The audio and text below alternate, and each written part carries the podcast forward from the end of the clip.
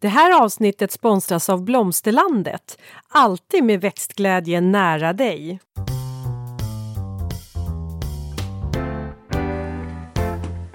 Välkommen till Ulrika och Lindas trädgårdspodd. Och det är jag som är Linda Kjellén, trädgårdsmästare.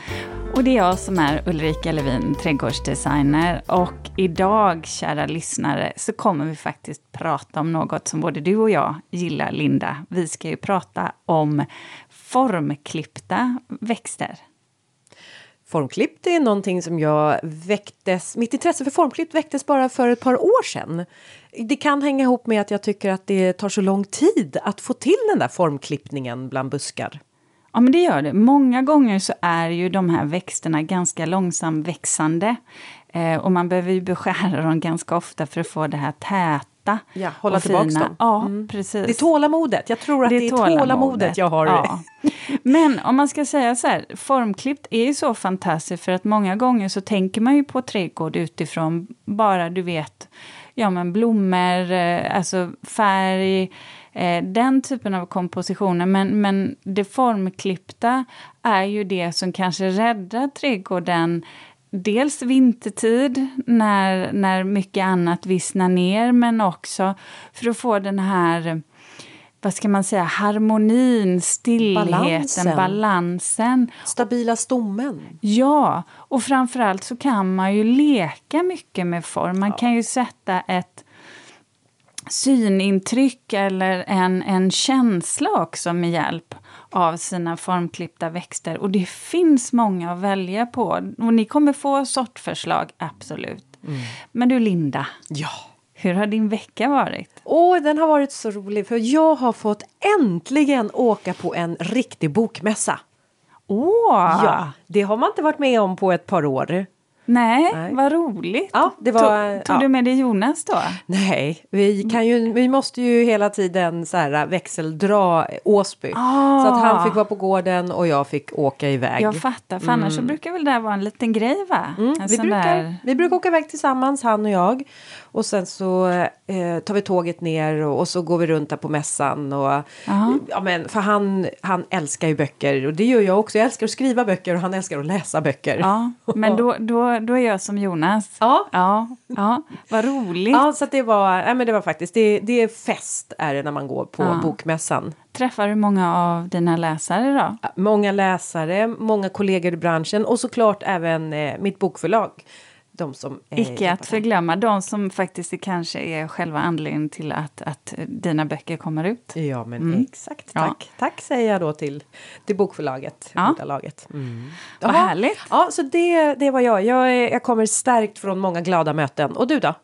Jag har varit uppe och vandrat nu. Jag har ju kört eh, Jämtland, Jämtlandstriangeln med en kompis.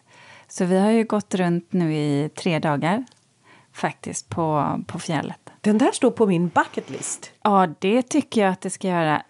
Vi har haft så himla roligt och det är så vackert. Jag blev helt betuttad i, i miljön. Det är såna vidder, sån växlande miljö och så vackert. Höstfärgerna hade ju verkligen kommit och det ändrades nästan du vet, så under dagarna när vi gick där. Galet fint var det. Mm. Sen var det väl, vi hade ju inte toppenväder.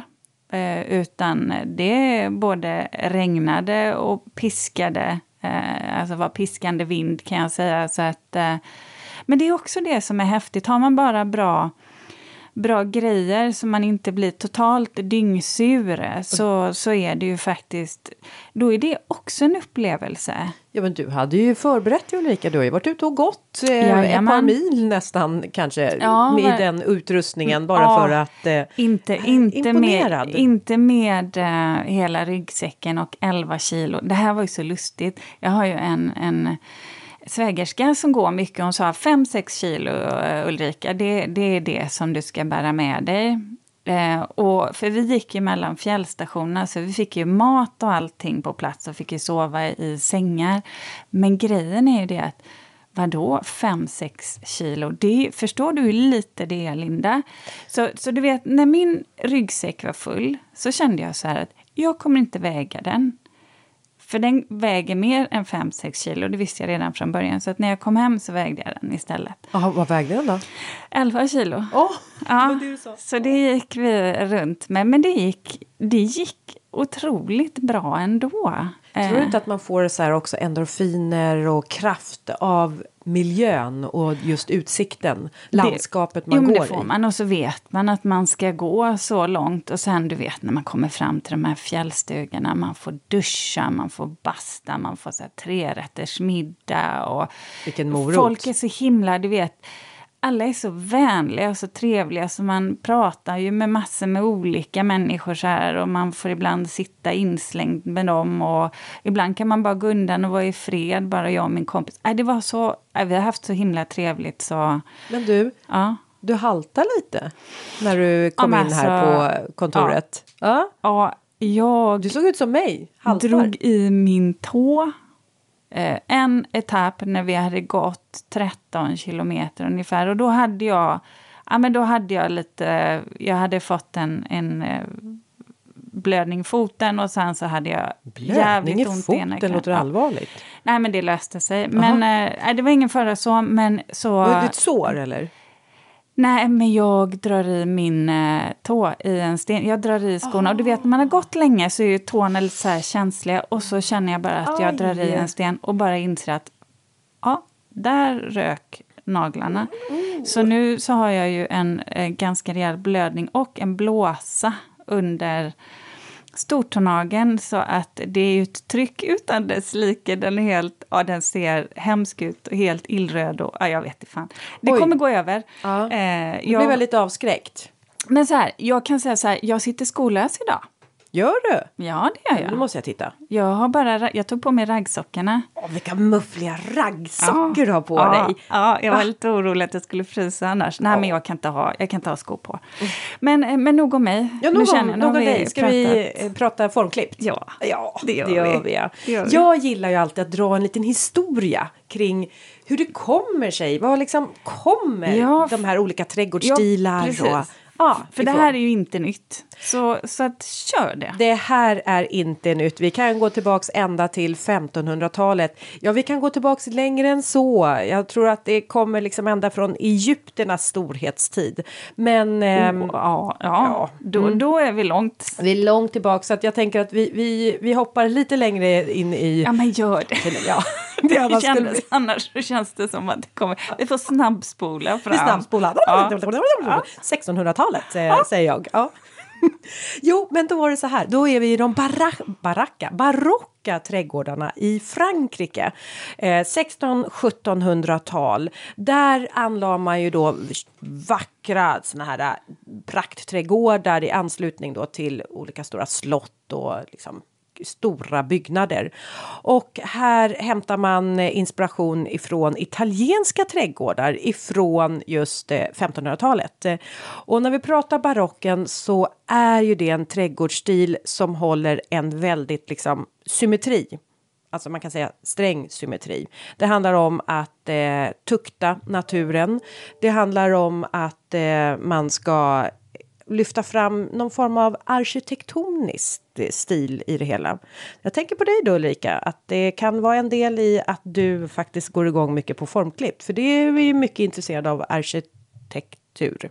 Ja, mm. det ligger lite i jobbets natur tror jag. Ja, ja. men så kom ihåg tukta naturen. Det är, mm. och vad man gjorde det var ju också att man ställde den här äh, friväxande naturen emot just den här hårt då formklippta. Och där fick man de här kontrasterna. Det där fattar man ju redan då på 1500-talet i Italien.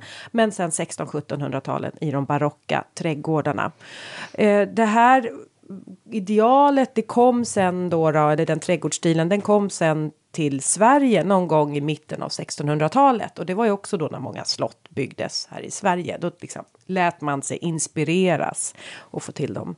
Så att eh, man kan väl säga att eh, de här eh, formklippningen eh, det handlar just mycket om den här eh, mänskliga handen som har varit framme och form format och hållit ordning och reda på naturen. Symmetri.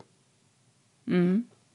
Mm, jag har ju en sån här, jag när ju en dröm att få åka till en av de här italienska barockträdgårdarna. Eller som har väldigt mycket formklippt i alla fall. Gamberaja eh, ska ju vara eh, helt fantastiskt. Hur stavar du det?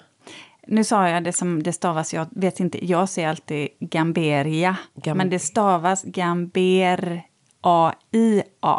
Okej. Okay. Eh, jag kan ju inte italienska så att ni, får, eh, ni som kan det och vet hur den här trädgården uttalas, eh, jag ber om ursäkt för mitt uttal. Men i alla fall, jag har sett bilder och den är så otroligt vacker och eh, som många trädgårdar så har den ju också en magnifik utsikt över landskapet. Men just att den är väldigt eh, tuktad, formklippt, många strukturer. Eh, tror, som jag upplever det som man sett på bild, väldigt lite blomster. Eh, men som sagt, jag har ju bara sett den på bild. Jag har inte besökt den än, men det är en sån där, det står på min bucketlist, Det står på Linda. din bucketlist. Mm. Ja, så du drar eh, söderut och jag drar norröver. Jag tycker ja. vi ska göra sällskap. Ja, vet du vad? Mm. För jag och min man, innan covid kom, innan pandemin började så, så hade vi faktiskt planerat den här resan. Att vi skulle åka, vi skulle ta tåg eller så skulle vi ta elbilen ner då och åka runt i, i den norra halvan av Italien Aha. och titta på de här. Då var det här en trädgård som vi skulle besöka. Mm. Men nu kom det lite annat. Ja, det kom lite annat. Men då får ni ta upp den, eh, ja. den Och då de, kanske du vilken tur att de finns med. kvar. De har ja. funnits där i många hundra år. Herregud vad många resor vi ska åka oh, på. Ja. Du, måste, du måste hitta någon gårdsskötare. Ja, Just det, annars så får jag åka det själv måste... utan min man. Det... Det vore, han älskar ju Italien så det vore ja. jättekonstigt om du inte tog med honom. Ja, han har börjat prata om att vi ska skaffa något hus i Italien. Ja, ett till hus. Ett till hus. Men herregud. Ja, jag vet. Det... Nu får du bromsa, Linda. Jag vet, jag, jag, jag, måste vara den som håller foten i verkligheten här. Ja, jag ja. tror faktiskt det. Ja. Men, men Italien, Italien, i alla fall. Mm. Formklippt där. Eh, sen älskar jag ju Drottningholm. Mm. Eh, den har, det har jag ju nämnt tidigare också. De har ju också, eh, det är också barock, en barockinspirerad eh, trädgård som jag tycker är, eller park. Och som de har är jättefin. många parterrer. Vi kommer in på parterrer. Det gör vi. Ja. Så att, men väldigt, väldigt eh, fina formklippta figurer. Men du, ja. så vad skulle vi säga då? Varför ska man ha formklippta växter och vad till för om trädgården? Vi har ju varit inne och liksom nosat på det, men om vi ska liksom gå in med det och med ord beskriva varför. Struktur i trädgården. Mm. Mm. Det är det ju. Um, och sen så, så är det ju så att säga, när man säger form så vet jag att många kan få, eller många, men det är lätt att fastna vid, i varje fall när vi pratar privata trädgårdar, att, man, att, att vi bara tänker på klot. Och det tycker jag är jättesynd för att eh, du kan forma så mycket annat. Du kan köra kuber, du kan köra eh, takklippta träd. Eh, och det behöver inte bara vara buskar utan du kan jobba med träd, du kan jobba som flerstammiga. Du vet, stamma upp buskar som till exempel idegran och sen formklippa dem högst upp. Då får du helt andra former. Och det kan bli så himla häftigt. Ja, vi kommer eh, in mera på de här formerna ja, sen också. Så, så att eh, jag kan väl tycka att det där också är eh, något som är viktigt utifrån att... Vad sa du om blickfång då? Blickfång, jobba med höjd. Du vet mm. det här att kunna leka med, som jag ibland jobbar med, när man kan ha olika vi kan till exempel avenbok, där kan jag jobba med olika höjder på både på häckar men också så att säga som fristående element. Då kanske jag har eh, avenbok i tre olika nivåer. Du kanske har den bakre på 180-200 och sen har du den främre på kanske 130-125. Eh, och sedan kanske du har den låga bara på, ja, säg 70, max mm. 80. De kan ha skarpa kanter, de kan vara välvda. Och ni hör, det finns så mycket som ni kan göra med det här som är formklippt. Och det som jag också gillar om man nu ska tänka, nu håller vi ju på med en stor renovering av en gård så jag vet det där med budgetar att det drar iväg när man håller på och bygger. Och ett sätt eh, om man då känner att man vill göra de här eh, inramningarna det är att man då kan välja bort kanske lite dyrare konstruktioner och ersätta det då med klippta häckar. Vintergröna sådana så får man samma upplevelse men till en helt annan prislapp. Så är det ju. Mm, tänker murar och terrasser ja. till exempel. Mm. En, en häftig eh, trädgård och jag tänkte här, det här är ett foto som jag kan lägga ut på Insta. Hur ska eh. vi komma ihåg det Ulrika? Vi får alltid Nej, någon men jag som... kommer alltid jag ihåg kommer, det. Jag kommer aldrig ihåg vad ja. vi har sagt att vi ska lägga ut för bilder. Nej, men jag, det... jag kommer ihåg det för jag skickade iväg det direkt efter avsnittet. Så här, Fredriksborg mm. slott i Danmark.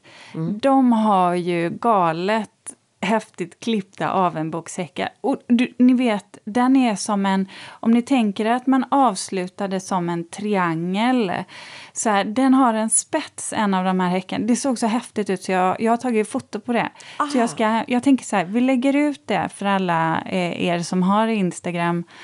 Ulrika och Linda heter ju vårt eh, konto. Konto, ja. Mm. Mm. Ja, men den är bra.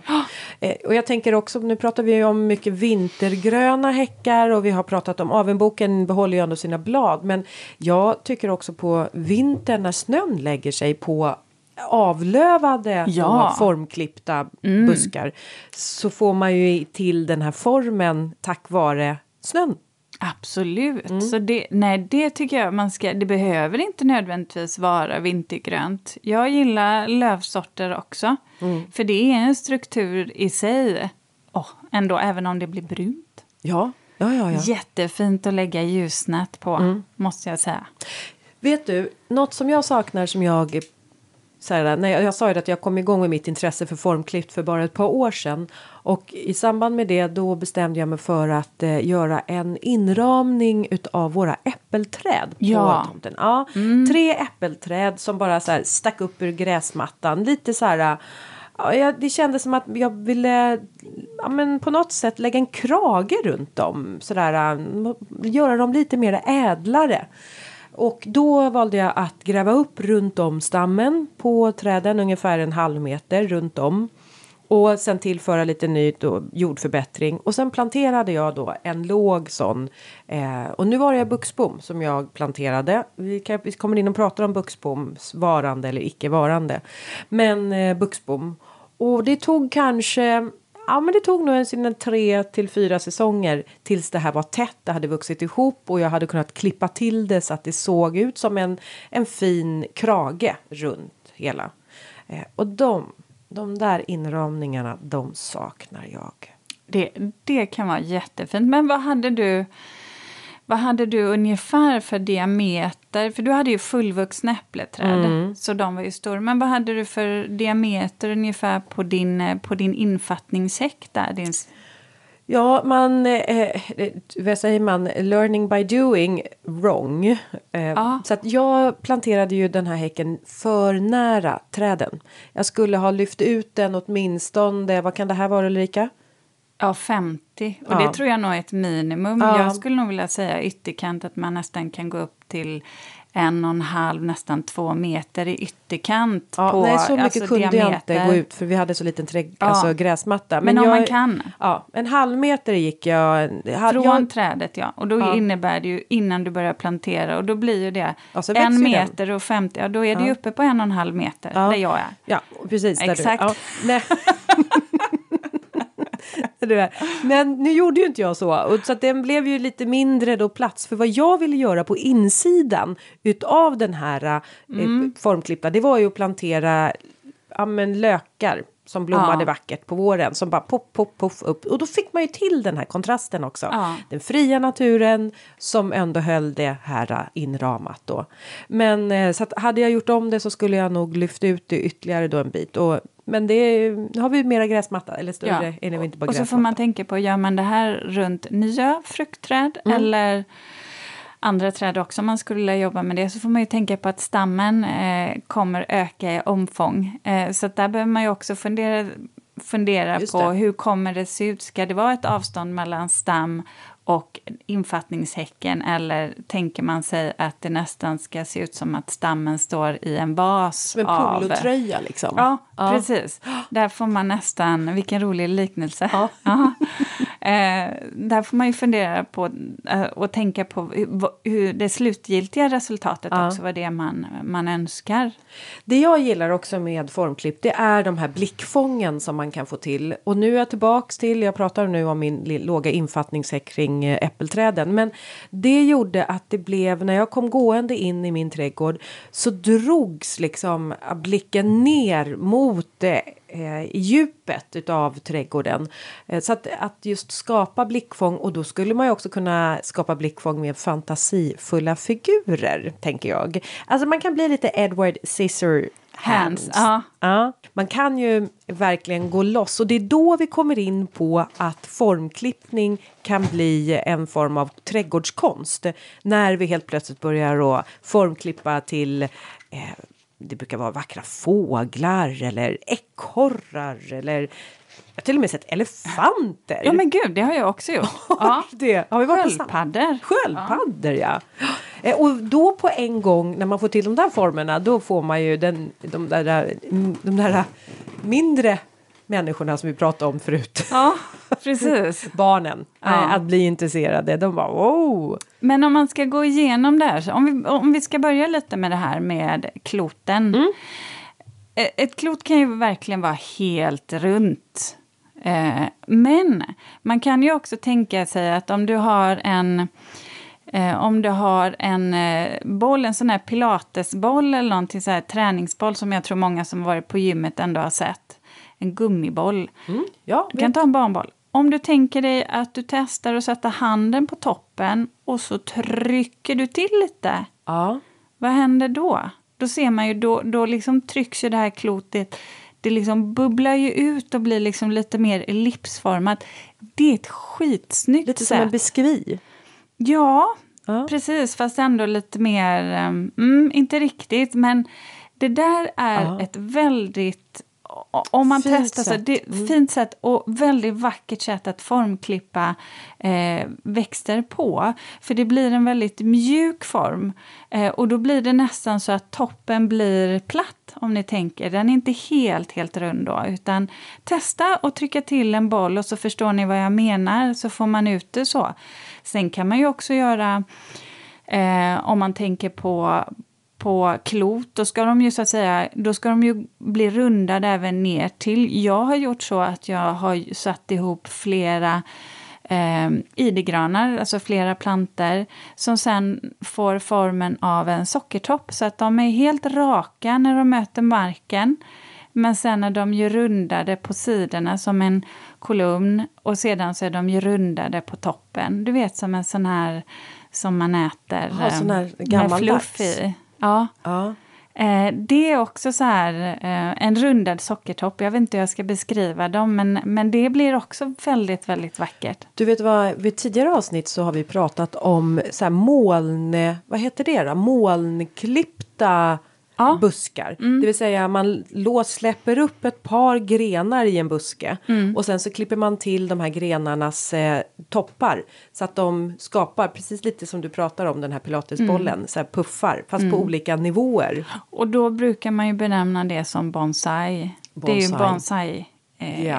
klippning. Ja, intressant så, skillnad ja. på bonsai och formklippt. Ja, mm. och, här, ja, och bonsai är ju en ja. typ av formklippning. Eh, men där kan man också nörda ner sig, mm. verkligen. Mm. Det är ju en konstform. Men jag vet sig. Ulrika att du har tagit hjälp av hönsnät. Va? Eller Nej. Har, har, du inte det? Men Nej. du skulle göra några Eh, det var um, ligusterklot. Tog inte du hjälp av Nej, jag, jag frifräser Linda. Frifrä Nej, men vänta. Var det på Tjolöholm man hade hönsnät? Det kanske det var. Jag tror det. Som ja. blev som en sån här uh, att hålla sig innanför, alltså så här, försöka ja. tukta tillbaks ja. innanför.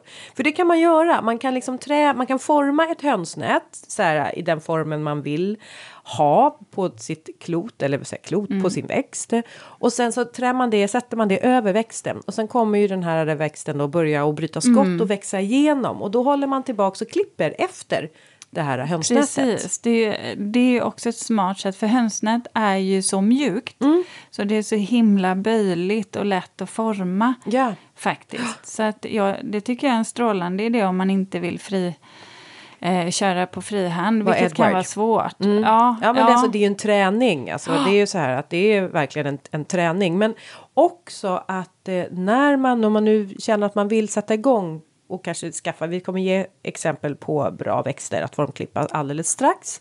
Men om man ska göra det, då är det ju så här. Sätt igång och formklipp på en gång. Mm. Vänta inte utan gör, sätt igång. Sätt sekatören i växten vid planteringen. Precis. Och gärna på våren. Ja. Och då mm. kan man ju tycka så här när man får en liten buske som du vet har typ tre, tre spröt som går ut eller man kanske har köpt en buske som ändå har tre huvudgrenar och så går det lite spröt ut från dem beroende på vad det är för buske man köper. Så så kan man ju tycka att det där blir lite knepigt. Men om du ska ha ett klot som ska vara helt runt, då måste man klippa in de nedersta grenarna. Ja, så att säga. Alltså för att de gynna här som tillväxten. Ut. Ja, och så får man ju tänka sig då hur man bygger upp det här. Ibland gör jag så också att man kan sätta ihop, man kan ju ha en planta naturligtvis.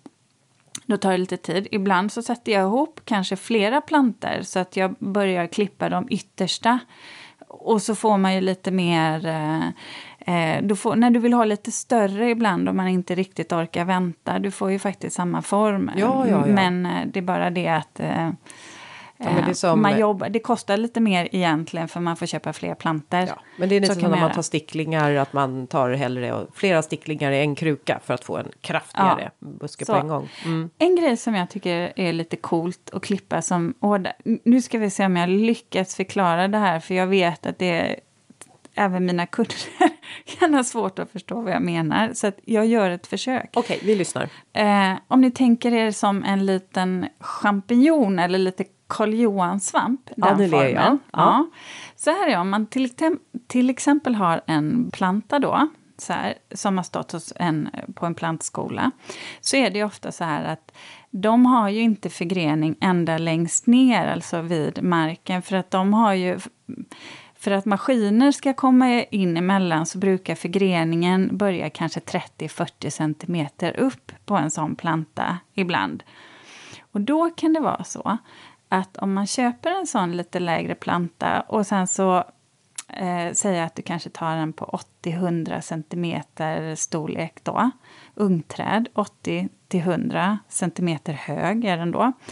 Och så fimpar du den eh, Alltså man tar av toppen och mm. så låter man de här andra grenarna ner till då växa ut. Så tvingar man fram då en beskärning. Så kan du forma den här som en liten hatt nästan. Ja, ja. Du vet som själva toppen på svampen då. Och så är det ju så att säga, du har ju fortfarande den här kala stammen ner till och så blir det som små svampar som kan sitta i trädgården. Eller små tomtenissar kan man låtsas, brukar jag tänka på. En tomtehatt så här som springer runt om, du vet, Elsa Beskows som ja. är kantarell, ja men du vet. Det kan vara jättefint och det kan vara ett ganska roligt sätt att jobba med avenbok mm -hmm. på. så att man får den här lite välvda formen. Man får klippa och man ska ju naturligtvis när man väljer ut den här, det här ungträdet då, det här eh, den här plantan. Mm. Man får ju titta lite och se till så att man har fin förgrening på det. Eh, så att man vet att man har någonting att, så att säga, jobba med. Men det kan vara väldigt, väldigt häftigt. Ja, för det är ju är verkligen ett hett tips. Det är att välja buskar som har tätt mellan noderna. Ah. Som har många möjligheter att vilja bryta nya skott. Och också att man väljer växter som har små blad som inte ser stympade ut när man klipper dem och också då som blir tätare och är speciellt om man nu vill ha formklippt eh, som ska vara vackert under vintern. Då kan man ju verkligen behöva som inte kanske då är, är vintergrönt. Då kan man ju verkligen behöva det här täta, täta mm. grenverket som skapar stommen ja. på vintern. Och samtidigt så är ju undantaget avenboken. Ja. Eller boken för ja. den delen. För, för där kan vi så att säga, de har ju stora blad. Mm. Men de är så himla tacksamma att jobba med. Jag gillar dem. Man, man ska väl också så säga att man kanske inte ska välja en, alltid en växt som eh, växer fort Därför att om du har en som växer fort då är du där och måste klippa tillbaks den i, alltså i hela tiden. Du hinner liksom knappt eh, bara så få landa i och njuta av formen så har den dragit iväg igen. Eh, och det är där vi pratar om att många av de här formklippta växterna de växer långsamt för att man vill njuta Exakt. av formerna och inte kanske. Jag vet att vi kommer nämna vissa sorter som kanske drar iväg lite snabbare sådär men att man väljer lite mer långsamväxande om man inte vill vara där och klippa tillbaks och forma. Ja, och det gäller ju framförallt om vi ska prata formklippta träd. Mm. Eh, då, då, får man ju ändå tänka till lite. Det där är ju intressant att det finns typ formklippta träd genetiskt. Alltså som, jag tänker på bollpil eller heter ja. det klotpil? Ja. ja. Mm. Att de, eh, de drar iväg naturligt och formar sig. Har ett sånt sätt, ja. ja. Men när man ska klippa så börja med att klippa som ungt när ni planterar. Och gärna också gå in och liksom trigga igång det här att de bryter nya skott tidigt på våren, vårklippning. Och sen så eh, går man och putsar lite där under juli månad, putsar till det. Och sen gör man en sista beskärning eller klippning, frisering i, eh, ja men så här nu under jasperioden. Eller mm. slutet på säsongen. Två, tre gånger åtminstone. Ja. Sen, sen är det ju som, som eh, alltid att vissa växter då som vi pratar om, som avenboken, där är det ingen vårklippning. Det är ju Nej. bara under jasperioden. Ja, vi får alltid lägga in ett passus för ja. Eh, våra Så man får titta på som... sorten. Mm. Och eh, jas, som alla har, tror jag kan nu, juli, augusti, september. Det vill säga när, när växten är i tillväxt. Då savar den inte lika mycket. Nej. Och får lättare att, att valla över. Mm. Oh. Men jag tänker också på vintern. Så i och med att vi vill behålla de här vackra formerna. Så är det ju viktigt när vi har mycket snö att gå ut och, och liksom buffa på buskarna lite så att de inte kollapsar i snön och då tappar de sina former när ja, grenar bryts. Ja, måste man börja om. Det så är så himla lite... tråkigt. Mm. För det kan verkligen, verkligen ställa till det. Ja, eh, form... nu ringde min man. Ja. Ja. Aha, okay. Jag har på tyst läge men eh, jag, jag, har, jag har ett sånt där eh, att vissa nummer kan tydligen ta sig igenom. Ja men så har jag ja. också. Och det kunde han eh, göra. För, och nu har jag verkligen sagt till mina barn Ring bara om det är superakut. Ah, annars, ah. annars välj pappa idag. Mm. Jag har mm. inte sagt det till min man. Nej, nej. Nej, precis. Vem skulle han ringa istället? Ja. Nej, det finns ju ingen annan Nej, än mig. Nej. Precis, Nej, men så tänk, håll koll på vintern där om man har några. Sen är det ju också, jag menar många utav våra de här kompaktare eh, liksom formklippta växterna, de klarar ju vintern hyfsat. Alltså de, är, de bärs ju upp av ett tätt grenverk. Men för att vara på den säkra sidan, kan jag säga. Linda, visst är vi stolta över att ha en sponsor till dagens avsnitt? Ja, och det är Blomsterlandet. En trädgårdsbutik nära dig med butiker över hela landet och en e-handel som är öppen dygnet runt. Välkommen! Vi har ju haft, eh, så här, när man då ska beskära mm. eh, och, och material, eller på att säga, men prylar då. Eh, ja, eh, jag använder mig antingen av en sån här häck eh, elektrisk häcksax, mm. eh, handsax faktiskt, mm. när, för jag kan tycka det är lättare.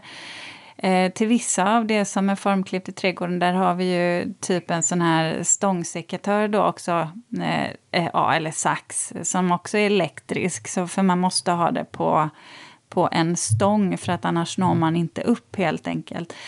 Men sen så var jag i Slottsträdgården i Malmö Mm. i, i somras och så höll de på att fixa till sina buxbomsklotar.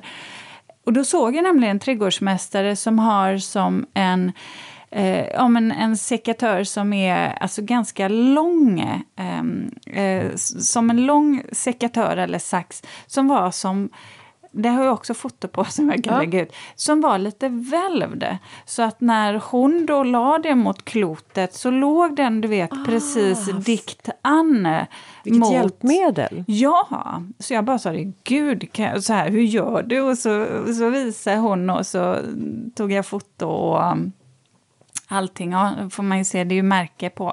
Ja, just det. Jo, jo, så är det så, väl. så är det ju. Men, men, så, men man kan väl säga så här, så generellt en... en jädrigt bra. Jädrigt bra. Och en, men också så här, en elektrisk elektrisk häcksax, lite modell större, passar ju också kanske till mera mm. större växter som ska formklippas, häckarna till exempel. Ja. Och sen har vi den här mindre häcksaxen som är mera manuell, ja. du vet den här och sen en del mindre klipp, buskar och ja, träd. och en del ja. klipper ju, en del som är så riktigt duktiga, de använder ju sån här manuell häcksax. Mm. Eh, och efter snöre sådär. Ja. Eller ett vattenpass med såhär, laservattenpass. Ja, men det behöver man göra om man ska ibland ha de här riktigt ja. raka. Ja, är man, vattenpass, så, laserpasset där är något. Så här, vill man ha väldigt skarpa former och man vet med sig att man är lite dålig på ögonmått där och man kanske har en mark som sluttar. Sätt upp liksom en lina då med vattenpass så att du får det så här spikrakt. För det kan göra en ganska stor skillnad. Mm. Och det kan vara svårt också eh, för att få det så här. Det beror ju på ifall marken är ju sällan helt plan. Ja. Ja. Så att det där kan man verkligen, verkligen göra. Behöva. Eh, och sen så sekatören, den kan man ju använda då för att finputsa. Jag har ett litet smart knep när det gäller den här eh, finputsningen eller överhuvudtaget när man, eh, eh, när man klipper. Och det om man kanske har en eh, häck som, eller antingen en häck eller som jag då min låga formklippta häck som jag hade kring äppelträden. Det var att det blir väldigt, väldigt många små eh, blad som eh, så här, lägger sig på marken. Och så vill man, man kan kratta upp dem, men nere på grusgången, det kan bli lite besvärligt sådär. Då är det ett tips det är att lägga en, eh, antingen en fiberduk under, juteväv, eh, lakan, någonting under och så klipper man så faller alla bladen ner därpå och så kan man bara liksom ta ihop den här lakanet och sen så gå till komposten med det. Mm. Det är lite lättare att hantera. Mm. Jag ska också säga Om man inte komposterar på plats. Ja, ja, ja, men inte på grusgången. Nej, det är Nej. en dålig idé. Nej, det är en dålig idé. Men eh, jag också tänker också så här när man ska börja och formklippa. Titta på växterna och se lite själva hur de drar iväg. Liksom. Vad vill man framhäva hos dem? Ska vi lyfta upp dem? Ska vi ta bort de nedersta och bara spaljera, eller spaljera, men alltså eh, vad heter det? Och ta bort de nedersta grenarna och så ja Eh, man spaljerar inte upp dem utan Nej, man... Eh, man kapar, eller man eh, kaläter dem. man rensar dem rensar, på ja. grenar. Man stammar upp säger man ju. Man tack, det är ju stammar mm. upp. Jag, jag mm. blev stammade gjorde jag mm. istället. Du, jag såg en så himla så här, inspirerande bild just på det. Det var som man hade stammat upp. Det var någon, jag vet inte vad det var, idegran tror jag. Eller om det var en järnek tror jag man hade stammat upp.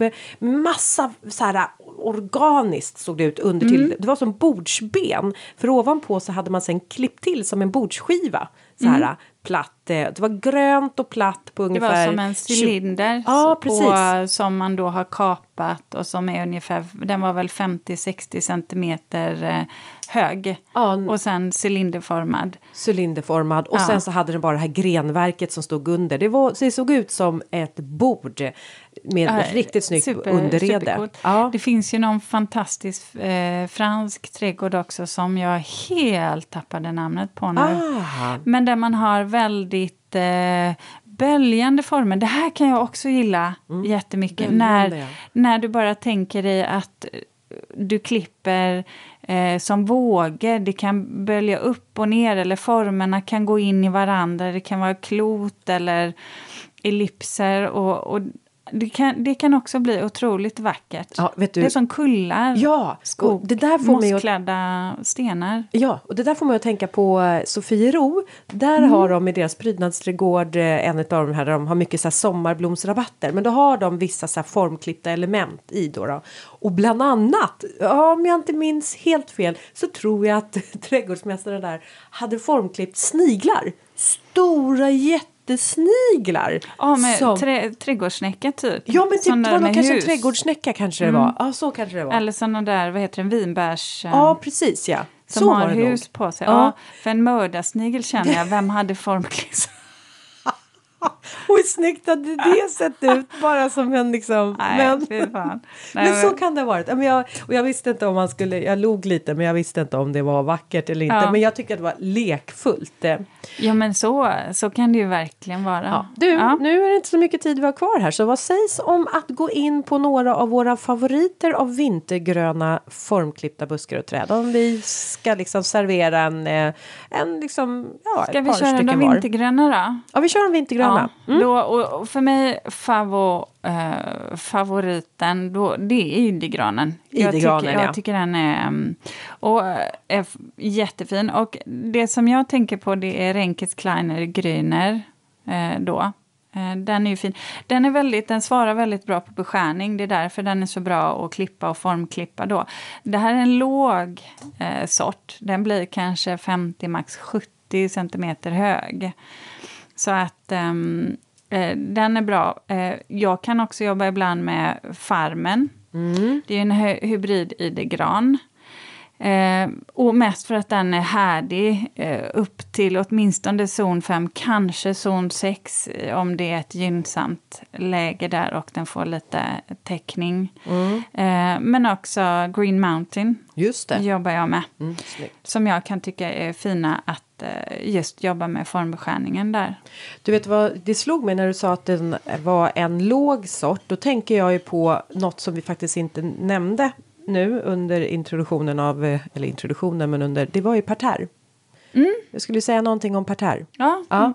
Eh, då vill jag bara säga det att en parterre är ju en eh, låg infattande häck som har en strikt form och eh, man översätter parterre, alltså ordets översättning är på marken. är det.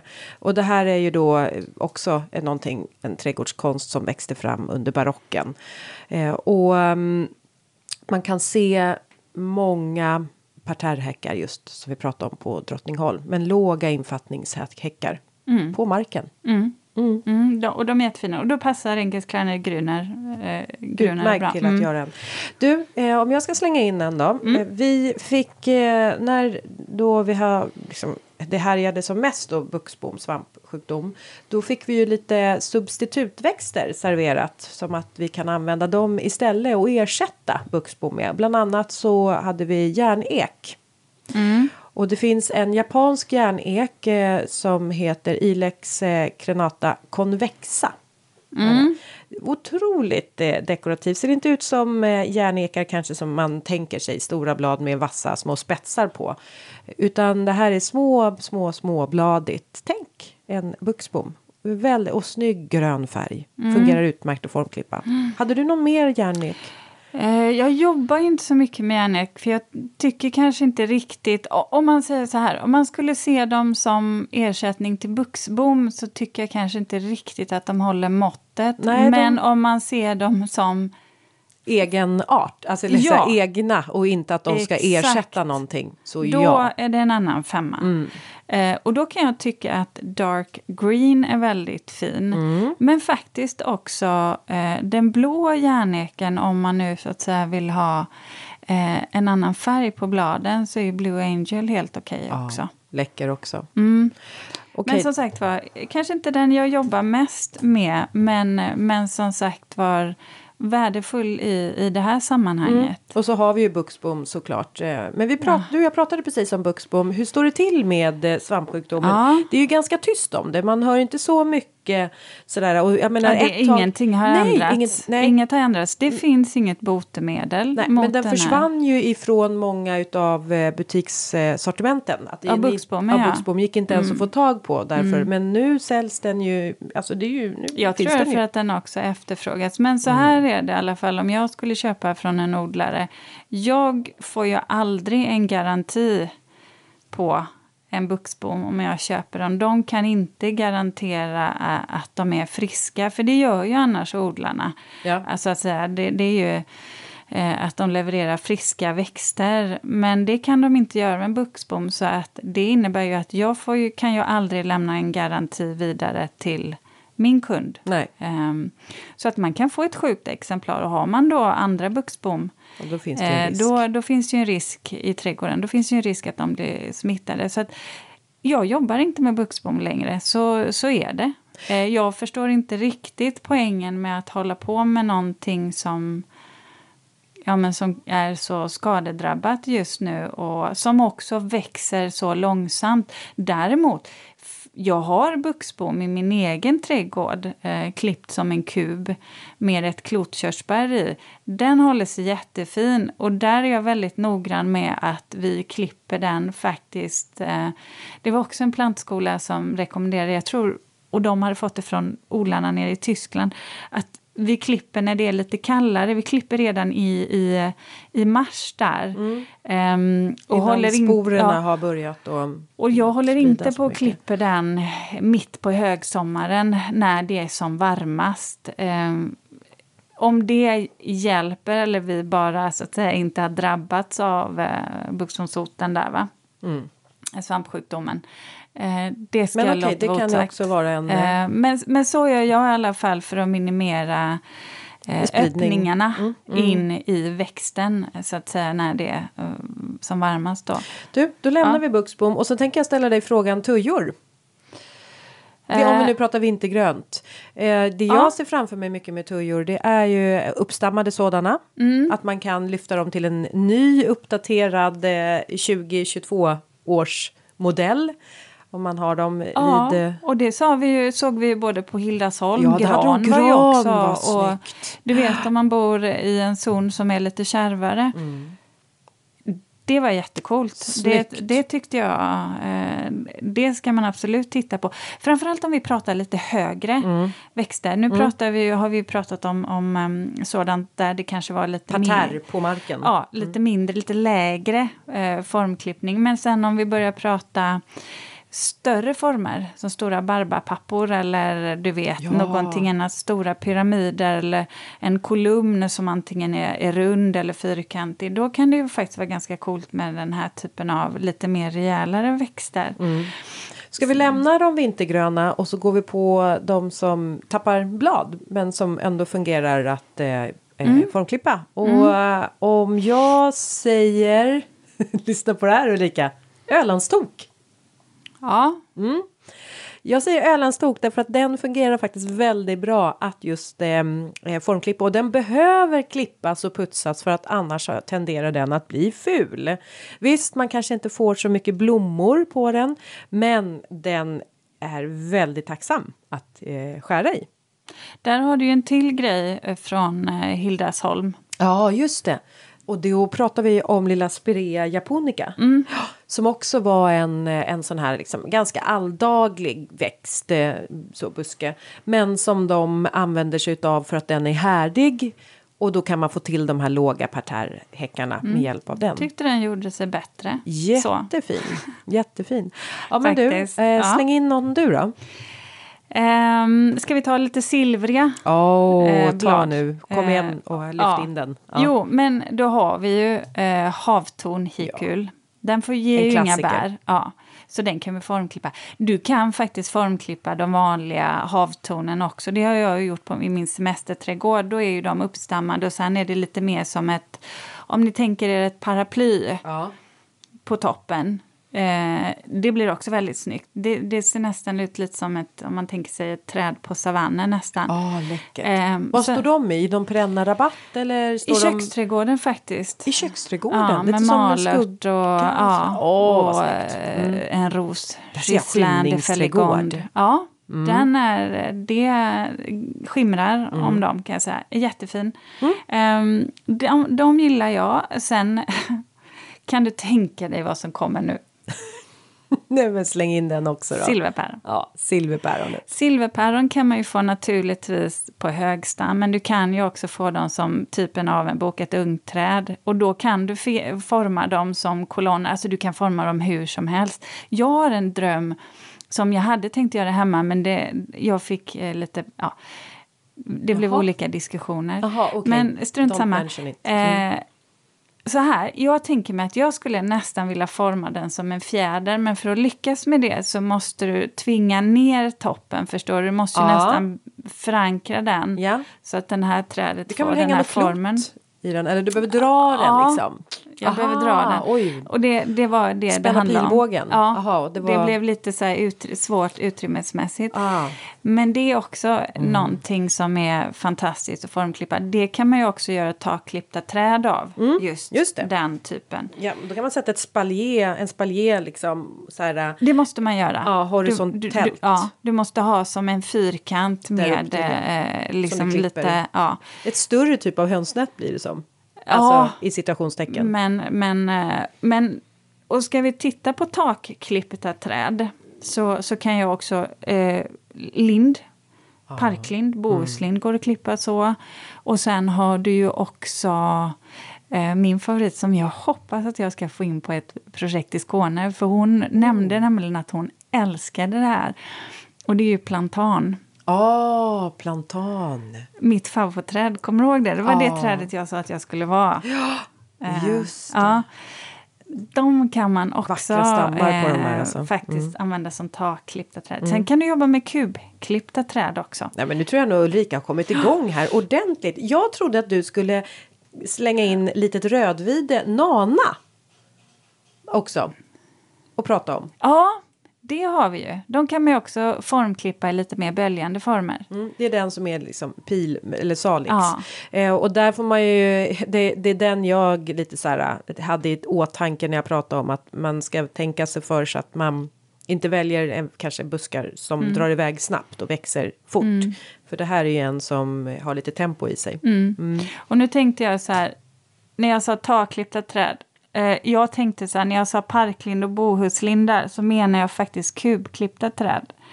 Takklippta träd, då är det plantan eh, och eh, silverpäron. Men Fruktträd också. Fruktträd Mm. Ja. går också att köra så. Men, men kubklippta träd, och då är det precis som det låter. Man har en stam upp och sen så har du klippt som en kub, En kub, där uppe. ja. Eller en rektangel för den delen också.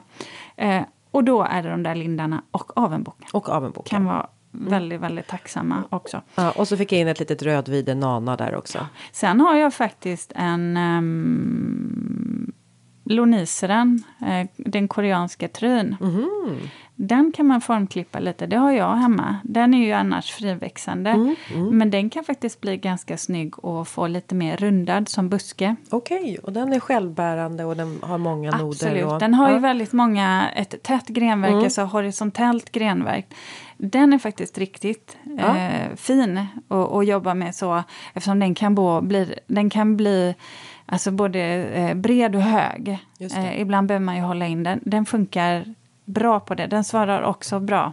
Den skickar iväg nya skott då, så att man får ju hålla koll på den så att det inte drar iväg för mycket igen där. Men den är fin. Mm. Och sen så kan vi faktiskt också forma, om vi ska prata formklippt, murgröna.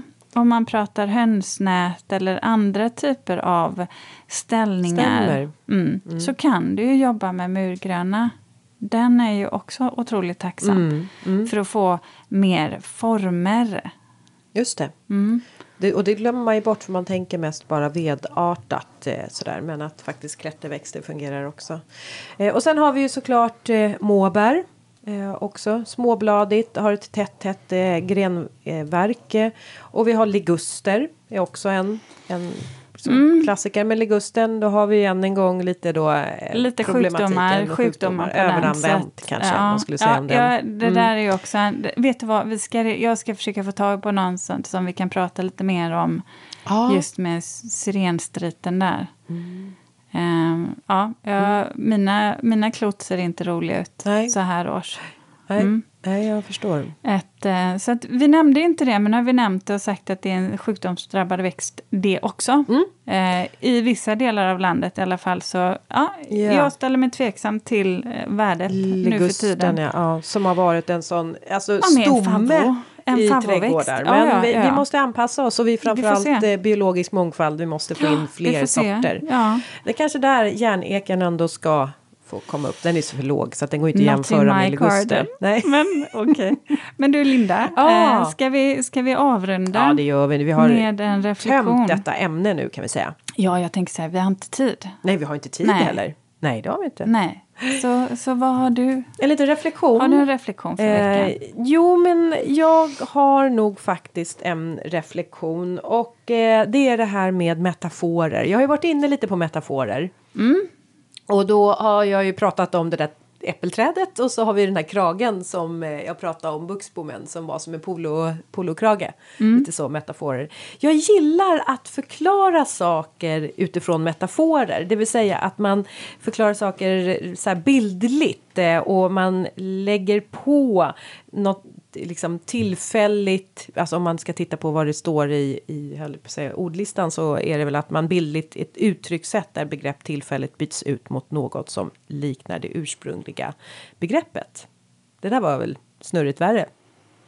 Eh, ja. Jag slutar lyssna. Begrepp, begrepp. Du tappade mig i alla fall, men jag tänker att det var Sandra som, som hängde med. Så, men visst. Ja, precis. Nej, men alltså, jag gillar annars de bildligt utsagda orden och då har jag en sån. Vi håller ju på med vår megarenovering och jag har hela tiden gått och känt att eh, fasiken, det känns som att det här projektet bara blir större och större. Och då kom jag på den där braiga liknelsen som ändå fick mig att liksom tänka vi måste börja och dra lite i handbromsar här nu. Och det var att för först för början så var liksom Åsby som en fin liten så här, kanelbulle liksom, en så här jäsdeg, en liten degplutt så här. Åh, den var så fin och slät. Åh, nu skulle vi. Men sen så la man ner den i den här jäsbunken. Och det kallar jag lite för budgeten. och sen börjar den nu bara och den bara Alltså det jäser. Åh, så här, men detta tyckte man så här, men den jäser liksom i linje. Den kommer inte över jäsbunken. Precis. Eller degbunken. Men nu börjar den liksom och bara så här, komma över. Monster. Monster börjar det bli. Och jag vet inte hur man ska liksom få tillbaka den här... Nej, det är ju kört. Jag vet! Eller då får, den, då får ju vänta tills degen kollapsar. Ja, och det, och det känns ju inte som ett vidare alternativ. Utifrån den metaforen, nej. Nej, det känns ju kass. Och då blir det liksom, ja, så att, eh, så ja, men jag tror, alltså det är så här, jag kom på den metaforen nu när den börjar närma sig bunkens kant. Eh, och det var då jag insåg att vi måste göra någonting åt det här nu innan den liksom väller över kanten. Ja. Eller hur? Ja, ja det, det, det, tycker jag. Ja, apropå metaforer så det var den metaforen som gjorde nu att jag bara nu drar vi handbromsen, pausar vi lite.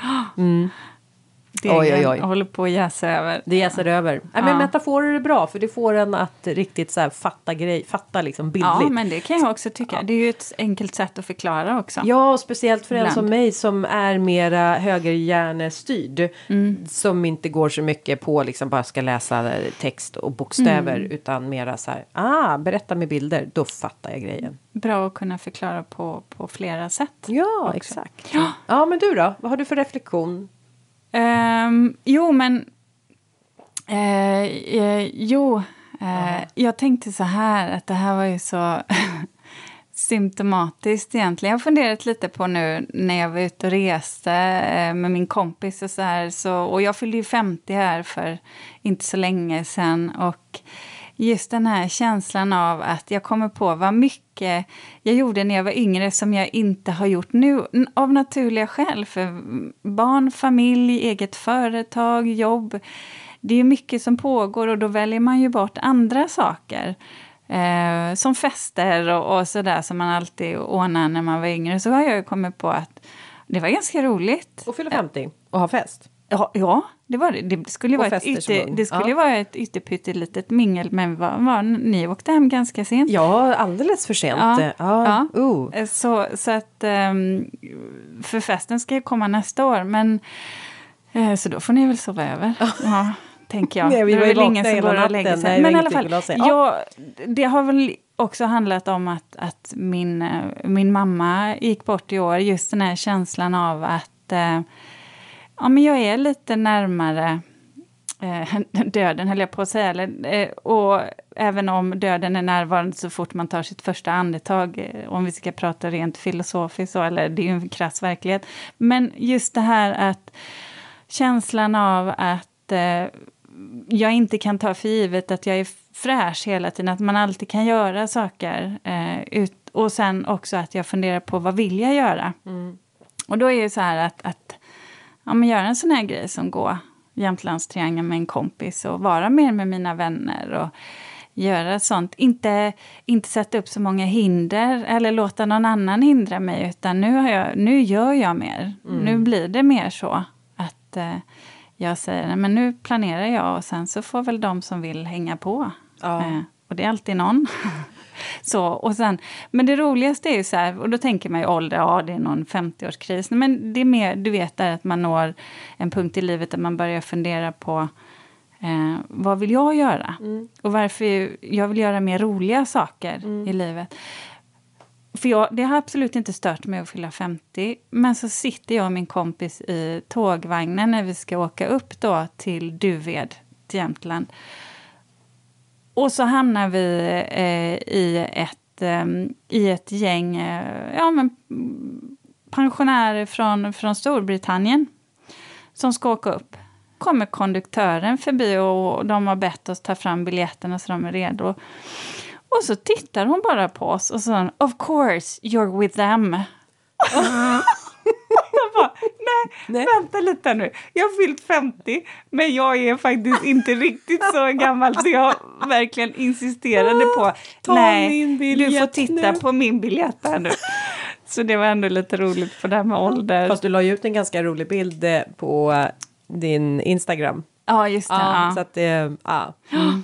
Nej, men alltså det är inte så här då att för att komma där du är nu Ulrika med den insikten så behöver du ha levt livet eh, på det, alltså för att komma hit. Mm. Du hade inte, kanske inte kommit hit om du inte hade varit med om allt det här i livet. Nej. Men det gäller att lyssna på dem ja, men det som de signaler man får till sig. Så är det. Och göra men, någonting Men det är förvånansvärt många så fort man har fyllt 50 passerat den dagen. Ah, okay. så, som så alltid säger, så säger de 50 plus. Och jag ah. bara känner, nej vet ni vad? Jag är 50 nästan ett helt år till. Oh. Sen kommer jag bli 51. Så kommer jag hålla på. Jag behöver inte säga att jag är 50 plus, då kan jag ju lika väl vara 59. Och ja. där är jag inte en kära lyssnare. Nej, verkligen inte. Konduktör. Ja, ja. Herr, fru, konduktör. fru konduktör. Ja. Men ja. hörni, ja. tack snälla för att ni har lyssnat. Ja, som eh, alltid. Ja. ja, vi är glada. Ja, vi hörs igen. Ja, det gör vi. Nästa vecka. Hej då. Hej då. Ja, du, du, vi höll ju på att brinna upp här. Ser inte du att dina ljus... Jag tyckte det började lukta. Du vet. Ja, ja, okej. Okay.